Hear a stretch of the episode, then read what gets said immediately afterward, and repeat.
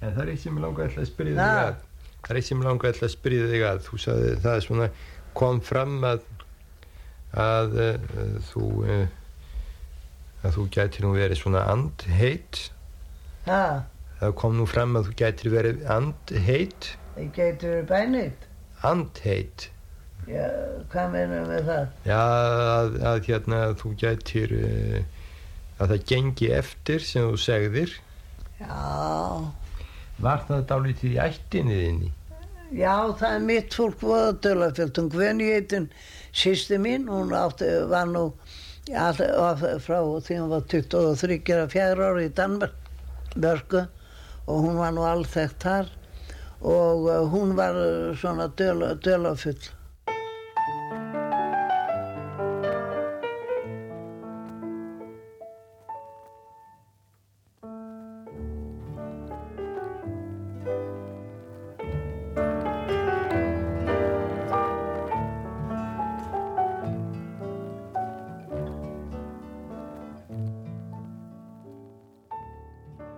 Hér heyrðum við Jósefínu Eyjólfsdóttur, spákonu á Þrastargötu 9 á Grímstaðaholtinu Reykjavík, minnast á sýstur sína Guðnýju.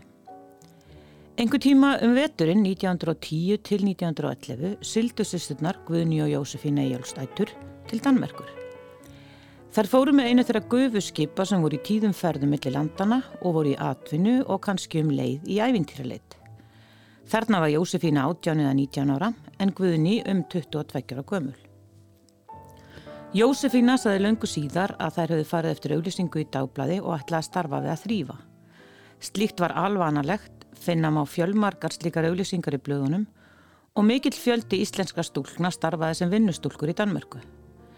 En Jósefína saði líka að þegar til hafnar var komið hafið þeirra augljóslega ekki átt að starfa sem skúringakonur. Þær hafi reynlega lent í vændishúsi. Þaðan flúðu þær og fundu sér einhver staðar aðra vist, sennilega á Vestubrú eða Friðriksbergi. Um atvinnu stöðu og æfintýri sistrana næstu mánuði er engin lengur til frásagnar.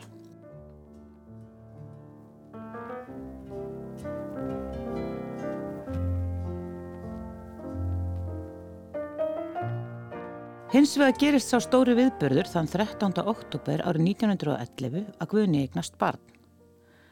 Barnið er í kirkjubók skráð sem sonur ógiftrar Guðnýjar Eyjálfsdóttur Vestfjörð sem býr á Sófíeva í 15a á Friðriksbergi en föður er ekki getið í kirkjubókinni.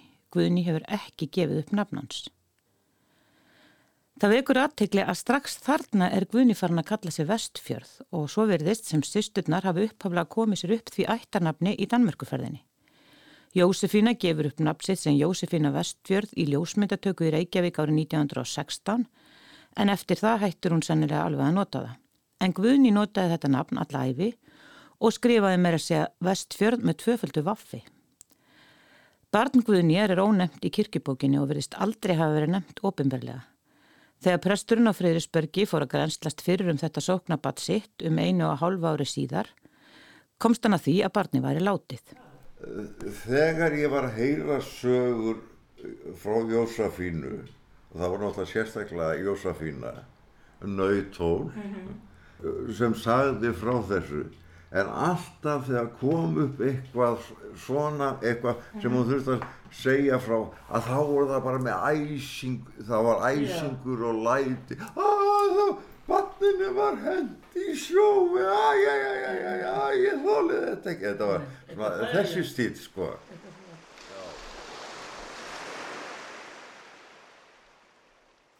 Úti á spássíu í kirkjubókinni má lesa aðtúasemt í þartilgerðum dálki. Þar segir Barnið mun hafa dáið á leið til Íslands og verið grafið í hafi. Þetta er samkvæmt upplýsingum frá kirkjuhyrðunum Mortensen þann 25. annan 1913.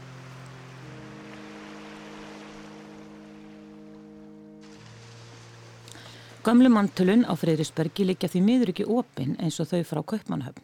En hins vegar gæti ég flett upp í gammalli skattskrá og Guðni Vestfjörð á Sofívæ 15a, fyrstu hæð, er svo leiðjandi í skráni fyrir Freyrisberg snemma árs 1912. Hún er hérna skráð sem saumakona með eitt barn á framfæri. Guðni leiðir hjá íslenskri konu Lilju Hermansen, fættri 1853, sem áður var saumakona en er þarna orðin ekki frú. Fyrsta barn Guðnýjar Ejólsdóttur fekk vota gröf. Það andaðist í sjóferð til Íslands í kulda um mánaðamótin mars-april árið 1912. Þetta kemur heima saman við frétt sem byrtist í vísi 8. april 1912 og hljómar svona. Sterling kom í gjármorgun frá útlöndum, hafði senkað sögum slæmra kóla sem það varða notast við. Með því kom Vernharður Þorstensson stút fílsnöggaferð, kaupmennir Egil Jakobsen Openhaupt, Jón Arnesen Eskifyrði, Jensen Eskifyrði, Winterfeld Þískur ferðamaður hefur áður skrifað bókum náttúru Íslands Búkls trollara eigandi úr Hafnarferði, tveir gasmenn þýskir, tvær rjómabústýrur, Jósefína Östfjörð og sýstir hennar Vestfjörð. Barn eitt dó í hafi. Þessi frétt hljómar eins og verið sé að hæðasta sýstrunum með því að kalla þær rjómabústýrurnar Östfjörð og Vestfjörð. En það var mikið hæðst að Jósefínu gegnum árun í Reykjavík og þetta er hugsanlega einn ángi af því eineldi. Í stuttumáli Sisturnar fara heim með skipinu Sterling síðla vetrar með fimm mánuða ungbarn. Það verður töf á syklingunni vegna lélera kóla, barni deyri í hafi og fari vota gröf. Sterling var þekkt fyrir að þar var mikill róttugangur og auk þess var afar kallt í veðri þarna í marslokk 1912 svo þar auðvelt að sjá fyrir sér slæman aðbúnaðum borði skipi á syklingu yfir hafið. Getur eitthvað ímyndaður hvað gerðist þetta á þessu skipi? Hvað komiðlega fyrir þetta barn? Það er ómögulegt að segja það, sko, maður getur nú alveg ímyndað sér að barni hafi verið með einhvers næringaskort, þetta er fimm mánuða gammalt barn og börn á þeim aldrei eru farin að fá að borða. Uh, þau geta vissulega verið á brjósti og fengið uh, hérna alla sína næringu því en móðurinn þarf þú allavega að hafa semlegt allæti og ég ímynda mig bara að þetta hafi verið eitthvað virkilega erfitt. Það eru öruglega á einhverju, hérna, ekki á einhverju fyrsta farrimi. Skipi tefst þarna út á hafi, það er mjög kallt. Kólinn eru eitthvað blöyt eða eitthvað léleg þannig að það er, hérna, það er, þetta er bara, ég, ég sé, fyrir mig að barnið það er reynilega bara dáð og vósbúð. Uh, á þess að ég, svo sem geti ég fullir þetta, en það, mér finnst það bara, ég meina, ungbarnadauði vantilega gífilegur og mamman öruglega ekki vel á sig komin svona næringarlega þannig að mm. og kuldin bara já ég held að þú veist það er það er svo margt sem getur hafa gerst og svo kannski þegar þetta mér streyndar mér skrítið að hafi verið ákvað að jarða barnið í, sjónum mér finnst það mjög skrítið því að eitt lítið fimm ána barn það lítið hafa verið hægt að halda líkin á barninu þannig borðið skipinu en hvað veit maður Hvað er þetta lang, langt ferðalag? Sko þetta átti ekki að vera nema nokkri dagar en ég, það er ekki ljóst að stendur allavega að það hefur komið tölvert of seint þannig að það hefur rækist út mm. eitthvað áhafið úti vegna lélæra kóla hefur eitthvað gengið illa kynntaða þannig að kannski hafi þetta verið gætu hafi verið vikur mm. Og það er sýstur sem sagt að því við erum búin að tala fyrir mikið um Jósefínu þarna verða sem sagt fara það er svona aldrei sér hvora áttina eiginlega. Jósefina verður eftir. Þetta er bara þeirra síðasta ferð saman. Að Jósefina verður síðan bara eftir á Íslandi og það er hittast bara, já, já þegar Guðni kemur til Ísland sem, sem gestur. Tilgi jeg siger et letsindigt ord Det er klogt og de forstår det straks. Bare en hyldest til denne jord For vi har jo kun den samme slags. Verden har nu hadet mere nok. Vi kan kun besvare med at elske Den jordiske kærlighed Ligger våben mod at Ragnarok I dit korte liv er hver time Það var stór mynd, þetta svona A4 sko. Mynd af Guðni og Jósafínu. Jósafína stendur, Guðni situr og Guðni er bara eins og bara svona típisk hérna, svona eldri kona hérna úr Reykjavík. En Jósafína og það eru náttúrulega, það eru náttúrulega hérna í peysufötum og þess að en Jósafín er þessi dökkarða glæsilega svona, ég, hún var ekki orðin tvítug held ég sko. Og, og þær eru svo ólíkar sem hugsa sketur til dæmis það var alltaf sagt um Guðni þetta var svo ljú og góð kelling þetta var svo ljú og fín manniska og, og talaði alltaf vel um allt og alla sko. Jósafína var öfugt. Það voru bara lætin og djöfugangurinn í henni sko, sem svona keirðan áfram. En það var alltaf mór alltaf millið þeirra. Auðmingja Guðni hún varð eftir. En það var alltaf mór all í kringum þar hver væri betri hver væri betri spákona eða, eða þess aftar Hér erðu við í Akka Þórarni Óskari Þórarinsinni sem ólst upp hjá langkomi sinni Jósefínu sýstur Guðnjar I dit korte liv er det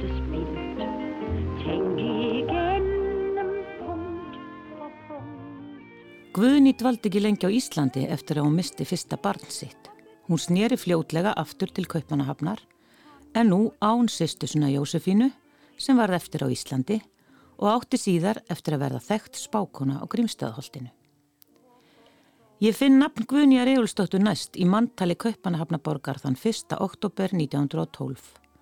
Þá er hún 24 ára og býr á þriðju hæð í glæsi hísunu Römerskaði 7 við Ísraelsplass hjá Nörreport, þar sem hún hefur starfstitilinn Tjeneste Píi. Hún er vinnustúlka hjá lækni og fjölskyldu hans.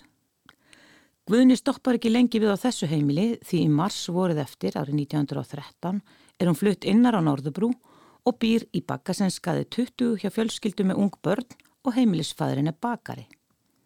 Um haustið sama ár er hún flutt á enn annað heimil í borginni, það við góðarskaði 169 hjá einhverjum sem heitir Petersen og aðeins mánuði síðar er hún til húsa í Gúlbergskaði 4B hjá Lassen okkurum og enn staldra Guðni örstutt við því rétt fyrir jóli 1913 býr hún í Slottskaði 37 hjá Nílsen.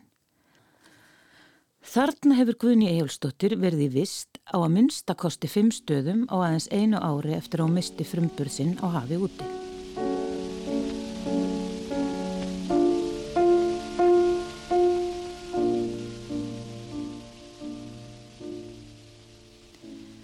Meðal Íslendinga sem byggu í Kaupmannahöfn á fyrstu áratum 20. aldar voru gríðarlega margar konur. Miklu fleirin ég hafi gert mig grein fyrir því ég fór að róta í skjálasöfnum og kanna mantöl og íbúaskrár.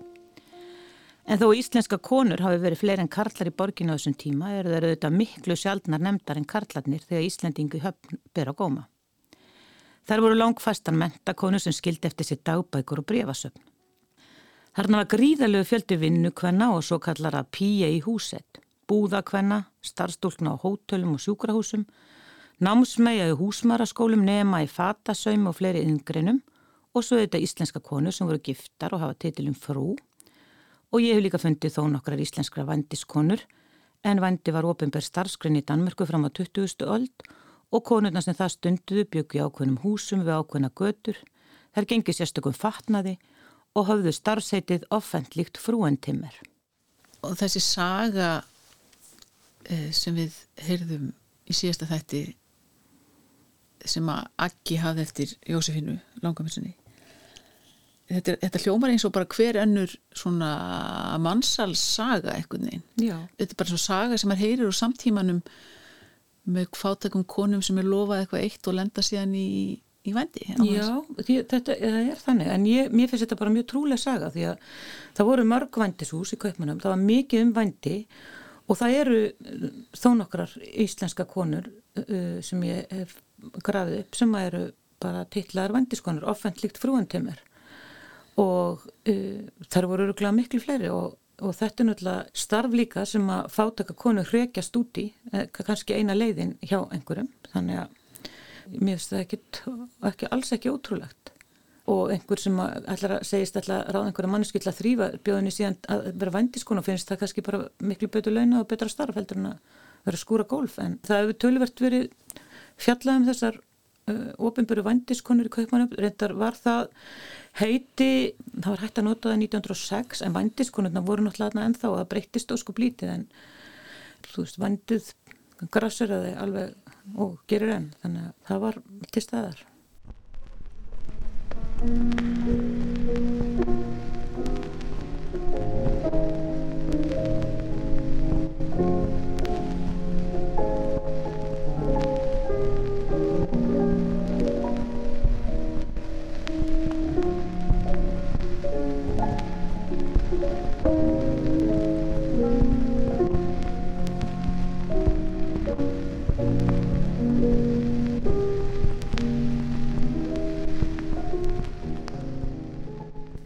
okkur nú aftur að okkar konu í Kaupmannöfn, Guðnýju Eyjálsdóttur frá Nautól, veturinn 1912 til 1913, þegar hún bjó á að minnstakosti fimm heimilum sem vinnukona.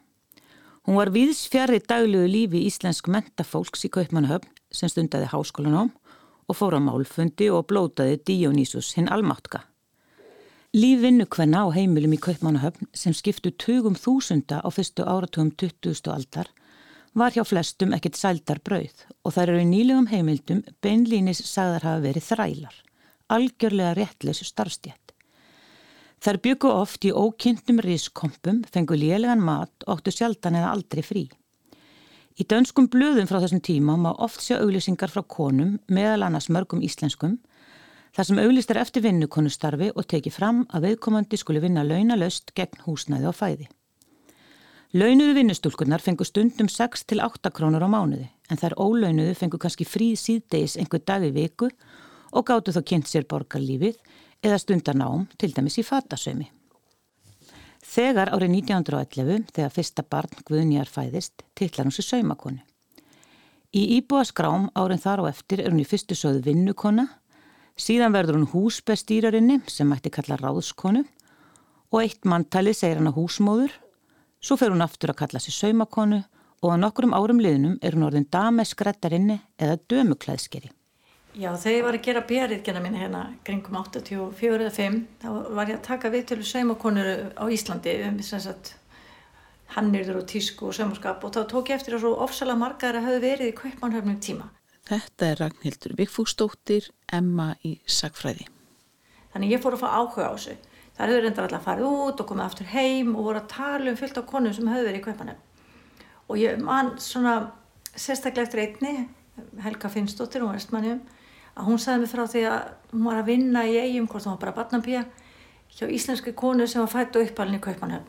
Og svo er alltaf að segja henni frá tífóli og skóginum og höllunum og þannig að þessi stelpa, alveg í vestmannjum, er alveg komið með stjórnum í augun. Hann er langast til kaupmannhafnar og hann að langaði vestlununa en hafði ekki efnaði þannig hún enda með því að fara að vinna sem saumakona og því mér, hún kunni kannski eitthvað aðeins til verka og ég held að hafi spilað inni og það, ég manna það sögðu mig það það var meira frelsi heldur en að vera vinnukona. Að þegar þú varst vinnukona þá þurftur að búa inn á einhverju fólki og varst kannski bara nánast matvinningur.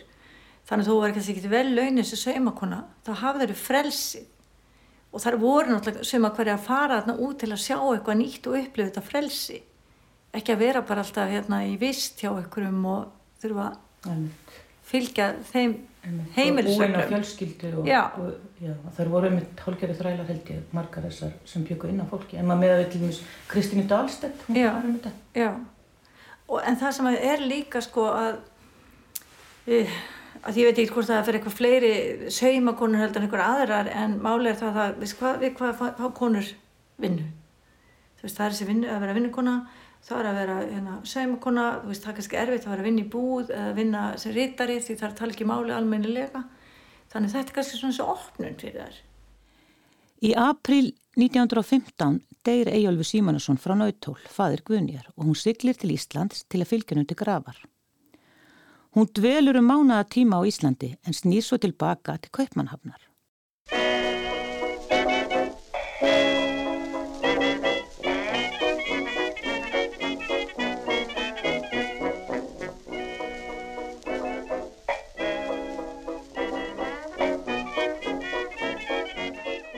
Hún hefur á þessum tíma sest að á umtöluðu gistihúsi og krá sem hétt Kaffe Far Vest og var til húsa á Kálvabúðabryggjum þar sem nú standa nýjar skrifstofubyggingar og rétt hjá er vestlunarmiðstöðum Fiskatorfið. Heimildi segja að kráin hafi að borgarbúum verið álitin skuggaleg hafnarknæpa af vestu sort sem stóð utan við lög og rétt samfélags sómakera borgara. Gestirni voru margir hafnarverkamenn og kindarar, dökkir af kólaryggi og sagan segir að oft hafi gestum verið hent út fyrir slagsmál og dólgsátt. Veitingahúsins Farvest er getið í ljóðinu dobbelt eftir eitt frægasta rítöfundana, kanonuna Tóm Kristensen, sem var á aldur við Guðnju, fættur 1893. Ljóðið lýsir forbóðnum ástum ungs fólks og í því segir í lauslegri þýðingu.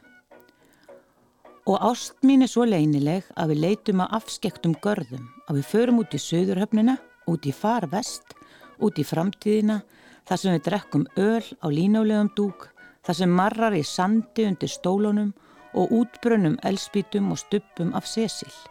Ástinn mín, enginn má sjá til okkar. Við þurfum að leina tilfinningum okkar annars verður kæftað í kaupmannhöfn.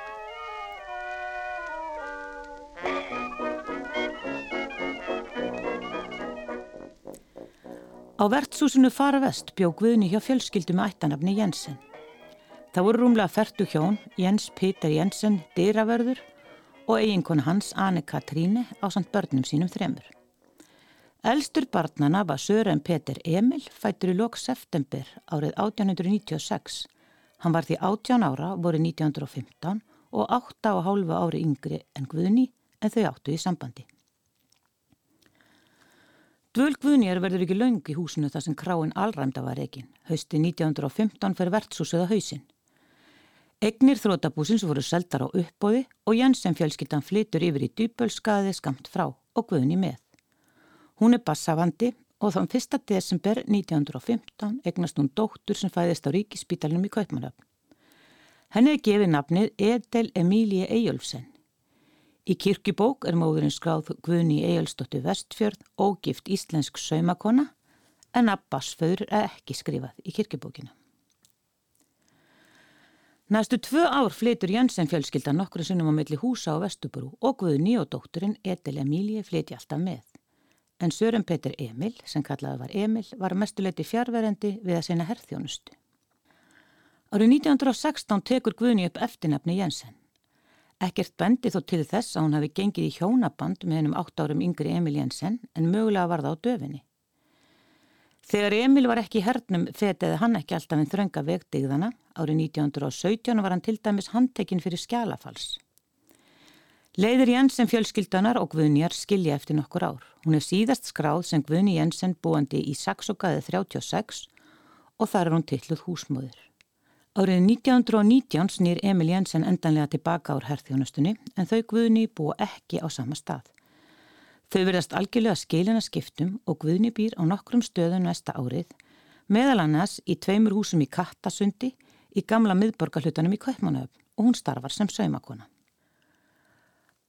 Á árunum 1919 til 1920 er aðsettu Guðnjar Herbergi í Kjallara á Enghafivæi 53 á Vestubrú. Á þessum árum var skelvilega mikill húsnæðskortur í Kaupmannhöfn og fátækar einstæði mæður átt ekki margra að kosta völ. En það sem meira er, í februar 1920 egnast hún þriðja barnið. Guðni fæðir dreng þann 28. februar. Í fyrsta skipti gefur hún upp föður að barni við fæðingu. Sangvært kirkjubók frá Kristkirkjunni við Enghafi plaðs er uppgefin fadir, sangvandmóðurinni og giftri Guðnju Vestfjörð, Kristján Bahn, vindla kaupmaður á Vestubrú, sem er færtugur ekkill átt árum eldri en Guðni. Sónurinn er nefndur Kristján Harry Bahn Eyjólfsson. Hann deyr aðeins þryggja mánuða gammal þann 29. mæ sama ár og er jarðsungin frá Kristkirkjunu og jarðsettur í vestra kirkjugarðinum í byrjun júni 1920. Hvað er við? Byrjum við? Við erum á Enghauðvæg sem er svona gata sem gengur gegnum Vesturbrú. Hérna í einhverjum, hérna kellara, sem skar allir heimilsi kellara þegar e, Guðni eignast són og mögulega er bara fættur hérna því að það er ekki, þann ekki hérna með tvangavottu frá, frá ríkispítalunum eins og með doktorina sem fættist fimm árum áður og e, hann sem sagt Hún býr hér meðan og hann deyr bara nokkura mánuða og er skýrður í kirkunni hérna hínum með hodnið. Sem þú varst að reyna að brjótast inn í? Sem ég var að reyna að brjótast inn í. En Guðni sem sagt e, let skýra ekki fyrsta barni sitt í þá bjóðun á Fröðisberg en dóttur sína sem fættist 1915, hún var skýrð hérna og fermt hérna og soninn sem fættist 1920, hann uh, var líka uh, skýrður í þessari kirkju og jarðaði frá þessari kirkju. Og sjálf var hún síðan jarði hérna 1971 um sumarið. Og þessi kirkja, ég held hún sér endar hún er allavega þekktust af því sem ég veit er að, að Tóð Dittlesen var jörðuð frá þetta líka sóknarkirkjan hennar, hún bjóð hérna við réttu líka. Og það var, þetta er ekkert stór kirkja og það var ekki gert ráð fyrir samt held ég að komist mörg hundurum ás fyrir að nynna en hún kirkjan fylltist og svo fylltist torki fyrir framann og svo bara fylltist gatan hérna niður, það var, það var mjög mikið af, af sérstaklega konur sem að eiga að hafa fylgjan, þetta er svona smá þjóðsagnakent hvernig kirkjan fylltist Eh, gangstéttin fylltist, gardurinn fyllt svo bara fólk sem var hérna, statt fyrir utan til að fylgja tóðu dittisinn sem átti að segja enga veginn ákvæmum að vinsæl. Frásögnin að jarða fyrir skaldkonunar tóðu dittlefsen myndi mig á uh, söguna sem að Guðni Emma, dótturdóttir Guðni að Vestfjörð, sagði um jarða fyrir ömmu sinnar. Og øh, jamen, jeg har aldrig set noget til en begravelse, som, som dengang hun blev begravet for pokkermand. Det kom jo alle steder fra. Guðni Emma Nílsen er fætt 1944 og býr á Borgundarholmi og gæti sagt okkur ímislegt um ömmu sína. Og, og netop hvis hun havde fødselsdag og sådan noget, så kom de sådan lige op og, med nogle gaver og sådan noget. Og jeg synes, det var dødspændende. Hele Virkner kom og sådan noget, ikke? Og jeg var jo ikke ret gammel sådan, og så tænkte jeg, hvad det var, nå, ikke? Altså sådan synes jeg, det var spændende. Það mættu miklu, miklu fleiri í jarðaför Guðnja Vestfjörð en fjölskyldan hafi búist við, kirkjan tróðfyltist og þau hafðu engan veginn gessi grein fyrir að svona margi myndu fylgja ömmuðunar.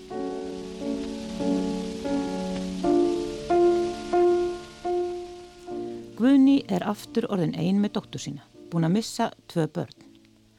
Skömmu síðar flytur hún úr kjallaranum og far húsnaði í íbúð í sérbygðum kumpöldum við Ingeslefskaði á Vestubrú. Þessa byggingar hýstu gríðarlegan fjölda heimilislausa kaupmannahafnabúa. Kristján Bahn, vindlakaupmaður, er líka úr sögunni hvað Guðnjöf varðar. Hafa hann á annar borð einhver tíma verið til staðir í hennar lífi. Skömmu síðar kvæntist hann öðru sinnu og raki marga áratug eftir þetta kaffihús á Skelbekkaði 40, Bahns kaffibar. Um þetta leiti berst Guðni til Erdna að Sören Peter Emil Jensen, ungi maðurinn sem hún bjóði með um tíma nokkrum árum áður, sé búin að gifta sig út á Jólandi. Guðni hafi gefið hann upp sem föður að doktorsunni Edel Emílie, en óvist er hvort hann gegst nokkuð tíma við henni. Nafna sérst reglulega á þessum árum í blöðum lauruglunar þar sem auglist frátti meðlagsskreðendum, en Emil Jensen gefur sig ekki fram þátt verið enduteknar eftirgrenslanir. Árið 1922 fór Guðni með sjóra gamla dótturina í Kristkirkuna og léttlóksinn skýrana. Við skýrnina fekk hún eftirnafni Vestfjörð en hverki er minnst á Jensen í því samhengi. Guðni, hún býr alveg ótrúlega mörgum stöðum, voru að vinna svona hér og þar. Er þetta, var þetta algengt minnstur sem sagt að konur væri, að, væri svona stutt á hverju stað? Já, það var bara mjög algengt og maður sér það einmitt með Kristínu Dahlstedt sem var líka í ymsum húsum þannig. Þær hafði bara engan rétt og voru kannski ráðunar, þær voru jafnvel reknar burt á þess að fá nokkuð borga, þær voru bara notaðar í smá tíma og svo þegar var ekki pláss fyrir það lengur eða voru, voru ekki nógu duglegar eða eitthvað, þá voru þau bara sendar út á Guð og maður sér Guðin í ferðarna frá uh, Römmeskaði þar sem hún býr hjá lækni og það er svona fint heimili, þetta er stórar íbúður í flottu húsi og smámsóman er hún komin innar og innar á Nörrebró og hérna í Bakkasenskaði býr hún einhverju pínlítli íbúð hjá bakara og hún er örglega ekki inn í íbúðinu með herbyggi, hún er gemt einhver starf upp á hálófti eða nýri kjallara sko. þetta var ekkert fínt heimili. Sko hún, hún, hún gefur all, alltaf upp að hún sé saumakona þarna í þessum mantölum þarna eftir fyrstu, bara fyrstu árin hún, hún endur skreinlega ekki í að vera vinnukona. Finnur sér annað að gera. Ætla hljómar er svo mikið strögglega að vera endalust að flytja svona. Þetta er bara verið hræðilegt. Það var, sko, það var svakalegur húsnæðiskortur í kaupmanum fólk bjó bara í pínulitlum hérna íbúð með 6 og 8 bönn, reynda bara eins og á Íslandi. Það var kreppa og, og fólk var að flytja auðvitað á landi og það var að vera að hróplu upp alveg svakla mikið af húsum, það voru byggð hann að þessum tíma upp úr aldamótunum byggðar margar blokkir sem að mjög mikið af þeim búið að rýfa, þetta var svo illa byggt og lélega brunavarnir og, og fólk bjóði það sem var kallað korridor íbúður það sem voru, það voru svona gangar, langi gangar með íbúðum sem voru eins og hótelherbyggi þannig að það kviknaði í ystaganginum það komst ekki nút og fólk brann hann inni. Og eins þessir íbíli fyrir heimilislösa sem voru á nokkrum stöðum sem voru bara svona eh, svolítið svipað og kannski höfðaborgin á Íslandi, illabbyggð húst sem voru bara hróplað upp til að hýsa hýsa heimilislösa svona meðan með að vera að reyna að leysa húsnæðisvandan. Það er alveg augljóst að einstæð móðir og saumakona sem bjóði félagslegu húsnaði á Vestubrú á áranum millir 1920 og 1930 lifði einhver sæltar lífi og Guðni hefur þurft að nota útsjónasemi til að sjá fyrir sjálfur sér og dóttusinni. Og svo útsjónasemi flokkaðist ekki alltaf til þess sem er réttu megin lagana. Árið 1926 hlaut Guðni dóm fyrir fjársvík. Hún satt inni sumari 1926.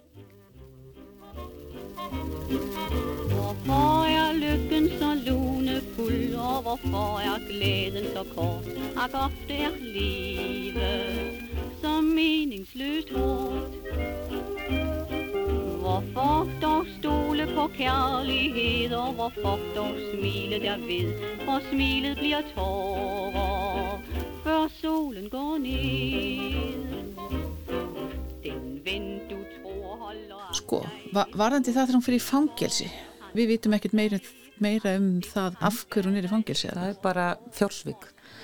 Já, það stendur bara í, í pappirum frá lauruglunni, dæmt þryggjumanna fangelsi fyrir fjársvík fer inn í júni uh, 1926 og út í ágúst 1926. Ég hef ekki getað lesið dómin, ég talaði mann hjá Ríkiskjálastaflinni Kaupmannöfn og, og reynda svona spurðan hvað, hvað, hvað ég geti fundið hennar dóm og hann Hann gaf mér þrjár mögulega leiðir, eh, það er ekki búið að skanna þessa dóma inn, það getur verið í nokkuru mismunandi dómabókum. Ég prófaði svona einn dag að reyna að fletta einhverju og fann ekki neitt og hugsaði mig bara með mér, ég er þið bara, það, er þið bara, og það, hann sagði þess svona gæti, gæti ég fundið einhver dóm sem stæði og sko blítið í, bara dæmt fyrir eitthvað. Mm. Þannig, og þetta hefur ekkert verið alvarlegu glæpur fyrst að þetta stendur svona í hérna pappurinn hjá lauruglunni, bara eitthvað svona dæmt fyrir fjársvik inn í júni út í ágúst. Þannig að þetta er eitthvað svona smávægilegt. Hefur ykkur velt fyrir því hvað það getur verið? Við fann alveg nokkra Íslandingar sem eru til dæmis dæmdi fyrir bell. Þá stendur endur að séu dæmdi fyrir bell.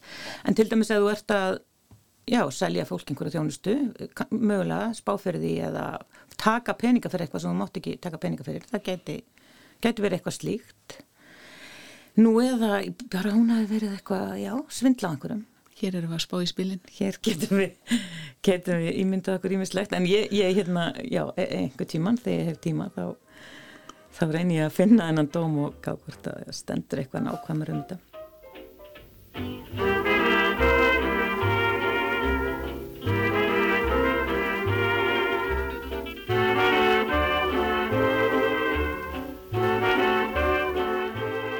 Þegar Guðni Vestfjörð kemur úr fangelsinu lengt hún á fátakra framfæri hins ofinbera. Í skrám yfirvalda er ástæðan sögð svo að hún sé heimilislaus. En Guðni nær sér aftur á réttan kjöl, hún fer aftur að starfa við saumaskap og árið 1930 er doktorina fermt í Kristkirkjunni. Þar er nafn föðurinnar í fyrsta skipti skráð í kirkjubók. Emil Jensen sjokkolaði agent, segir Guðni hann vera. En hvað býra baki því starfsæti er mér alveg óljóst. Þegar auglist var eftir honum sem meðlaskreðanda er hann ímist titlaður vélstjóri eða kokkanemi. Móður fermingabassins segir prestunum að hún sé fráskilin eiginkona Emils Jensen. Við ferminguna búa maðgunar í gamla bænum í Kaupmannöfn í landamerket 6 sem er lítil gata í hverfinu milli Sívalaturts og Kongens hafi. Nú er búið að rýfa meira minn allt þetta hverfi en nokkur hús í landamerket standa enn og eru uppgerð. Þetta hverfi minn á þessum tíma hafi verið skelvilegt slömm og húsin sem voru nokkur hundruð ára í mikilli niðuníslu. Húsi sem þær maðgur, Guðni og Edel Emílie byggu í, var í eigu Kaupmannhafnaborgar og þarna í götunni var mikið um vændi alveg fram að setni heimstyrjöld. Þannig að þetta er í rauninni ansi mörg ár þarna sem að má bara reikna með því að það hafi verið ansi mikið ströggl hjá Guðni, bara, hún hafi verið bara fátæk. ekki? Ég ímynda mér hún hafi bara verið bláfátæk og uh, hún, er alveg, hún er á einhverju svona ofinböru framfæri. Það var gríðarlega mikil fjöldi barna sem fekk, voru sem sagt, í fóstri til lengri eða skemmri tíma. Það voru svona eldús og vestubrú þar sem að börngátt fengi að borða. börn fátaklinga og maður getur lesið þetta í svo mörgum bókum um, um hérna, ég bara eins og Tói Dittli sem segir svolítið frá, svo hún er náttúrulega fætt 1918 bara rétt og eftir dóttugvunjar að það var fátækt og, og svona erfileikar, atvinnuleysi. En Guðni verist einhvern veginn alltaf hafa bjarga sér, kannski verið alltaf verið þörf fyrir saumakonur, það var svona kannski mm. þannig og, og það er svona fag, kannski ef þú ert svo flink þá ræður fólk þegar aftur og aftur. Og mögulega sem ykkur að hún hafi verið að spá fyrir fólki. Þannig var hún líklega farin að kannski spá í spil og lesi lóa og heila fólk einhvern veginn. Þannig og mig gruna svona að þessi dómur svona sem hún hafi fengið fyrir eitthvað svik hafi eitthvað tengst í því þú náttúrulega þetta var ekki löglegur atvinnuregstur mm.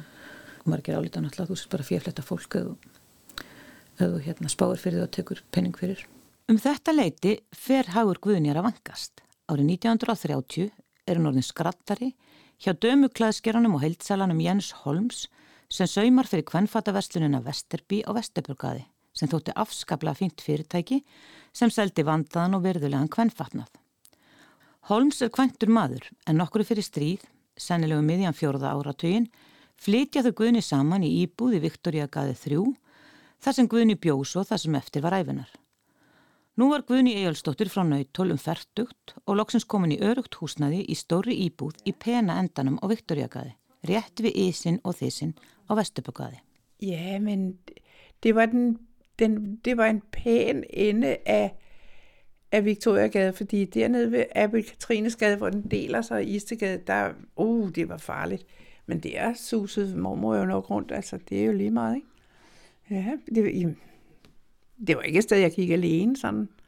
Jeg har altid været sådan, passet lidt på, eller min mor og far passet på mig. Við vitum ekki um þetta. en af hverju heldur að Guðni hafi ílegst í Kaupnöfn? Af hverju var betra að vera þar heldur en Íslandi? Já, ég held það. Það er náttúrulega miklu fjölbreyttar að mannlíf. Hún er búin að eignast bann þannig. Það kannski finnst hún einhvern veginn tengjast borginni hún hefur eitthvað að gera sem saumakona og svo eignast hún fljótlega annað barn og hún náttúrulega er í sambandi við einhverja menn sem hún kannski vonast til þess að eitthvað rætist úr sem gerist reyndar aldrei en það er svo mikið af Íslendingum þarna og ég menna hvað hafði Ísland að bjóða? Þær sýsturna voru greinlega já allavega var Jósefinu svo mikið tátt skrifuð hérna. Þetta voru fátæklingar í, í Reykjavík. Þannig að já, ég, mér finnst það alveg eðlilegt. Þú veist, hýpurinn í kaupmannafn voru allavega, eða ég, mér finnst það einhvern veginn hljóma eins og þessi skára en torfbar á Íslandi, en kannski finnst það ekki öllum það. Mm. Einmitt og vinnuharka á Íslandi svo sem líka Rosalega vinnuharka og fátækt og, og hérna, erfitt að vera kona mm. og ekki síst eh, einsta móður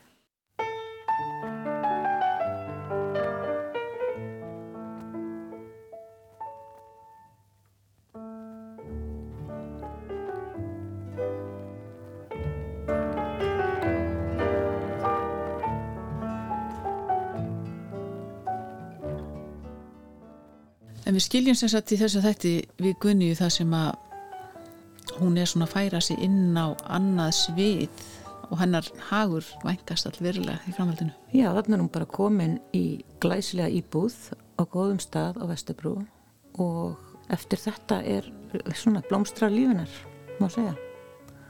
Hún spáir fyrir fólki, hún hjálpar fólki og verist það bara fundið sig, ímyndaði mér svona En lendir líka í ymsu skuggalegu. Og svo lendir hún í ymsu skuggalegu og já og eftir að hérna, hafa all mikil samskipti við laurugluna á setni árum.